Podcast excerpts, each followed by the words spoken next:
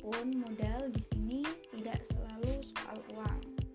Nah, referensi aku tersebut mengacu pada pendapatnya Suryana dalam buku Pedoman Praktis Kiat dan Proses Menuju Sukses dalam Kewirausahaan.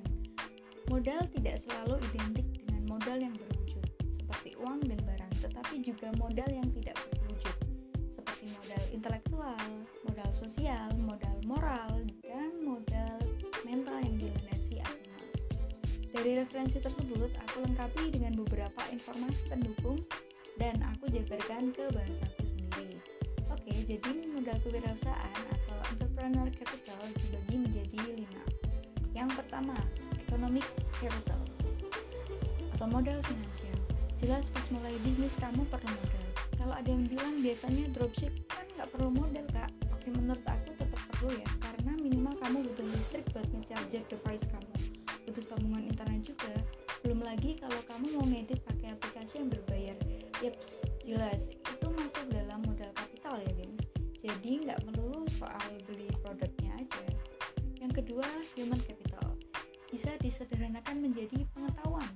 Maksudnya, ketika kamu punya sense of business, kamu punya leadership yang bagus, atau kamu punya pengetahuan pada satu bidang, maka kamu sudah punya modal ini.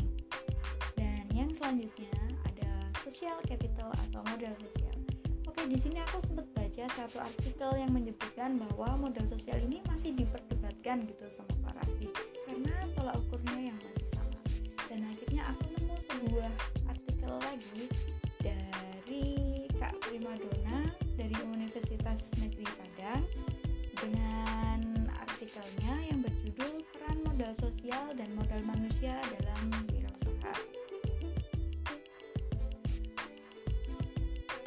Oke, dan dari beliau aku lihat mengutip pendapatnya Zhao 2002 yang berbunyi Para pekerja yang berhenti dari pekerjaannya dan memperoleh pekerjaan lain banyak menemui keberhasilan dengan menggunakan modal sosial yang biasanya menggunakan jaringan, trust, dan reciprocity. Itu dari Zhao 2002. Oke, maksudnya gimana sih? Nah, dari dari pendapat tersebut, aku fokus pada trust. Seperti yang kita tahu, trust adalah kepercayaan. Oke, sebelum berbisnis hendaknya kita bangun kepercayaan ke pelanggan. Kepercayaan tersebut bisa berupa kepercayaan akan khasiat produk yang biasanya dibuktikan dengan beberapa testimoni gitu ya teman-teman. Yang selanjutnya ada kepercayaan dalam bentuk garansi. Jadi eh, kalau sebagai konsumen, menurutku sih nggak apa-apa ngeluarin uang yang lebih tapi dia dapat garansi misalnya garansi uh, 2 tahun atau garansi kalau size nya kebesaran bisa langsung ditukar seperti itu daripada murah banget tapi nggak ada garansi kan agak ngeri ya apalagi kalau jualan online menurutku garansi itu sangat-sangat perlu. Dan yang selanjutnya kepercayaan dalam bentuk layanan.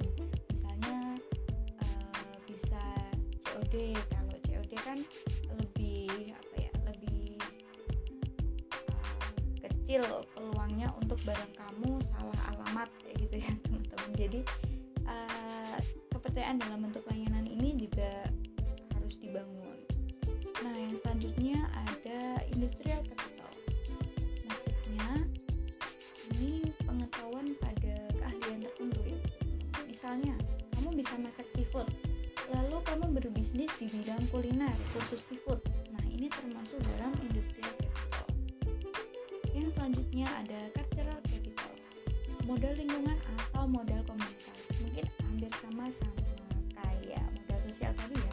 Tapi di sini lebih ke bentuk support gitu. Contohnya ketika kamu bisa gabung di komunitas wirausaha atau di komunitas penggiat UMKM berarti kamu bisa sharing banyak pendapat di sana. Nah hal ini juga termasuk modal ya karena bisa menambah pengetahuan. Dan for your information kalau di kotaku di kota kediri kita memang ada seperti komunitas UMKM gitu teman-teman di bawah naungan dinas koperasi. Dibagi menjadi beberapa periode gitu ya ibarat 2, klinik 3 gitu saya tahu. Nah, di sana kita dibina sama dinas koperasi.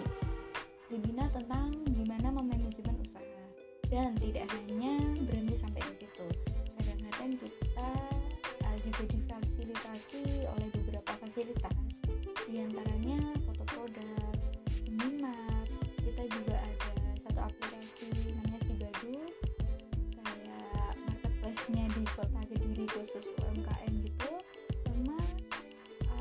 Beberapa kawanku dari pelaku UMKM juga yang mendapat fasilitas hak merek gitu teman-teman jadi uh, penting banget sih menurutku untuk bergabung pada satu komunitas. Selain menambah pengetahuan yang tentunya juga menambah jaringan. Nah kalau menambah jaringan ini tadi uh, bisa dikonvert ke menambah trust gitu teman-teman. Jadi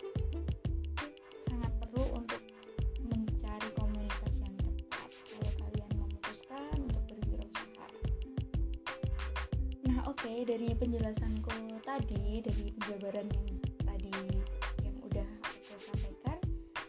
Gimana nih kira-kira teman-teman? Masihkah bersikukuh kalau bisnis itu nggak perlu modal? Atau mulai mikir-mikir nih oh iya juga ya benar juga ya gitu. atau mungkin ada yang tidak setuju dengan penjabaranku karena ya aku bisa salah juga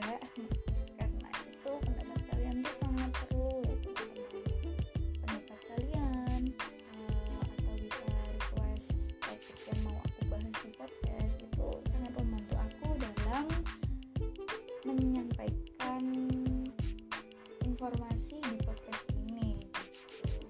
jadi teman-teman kalau pengen curhat sama aku pengen ada pendapat atau mungkin ada yang gak setuju bisa langsung tetap DM aku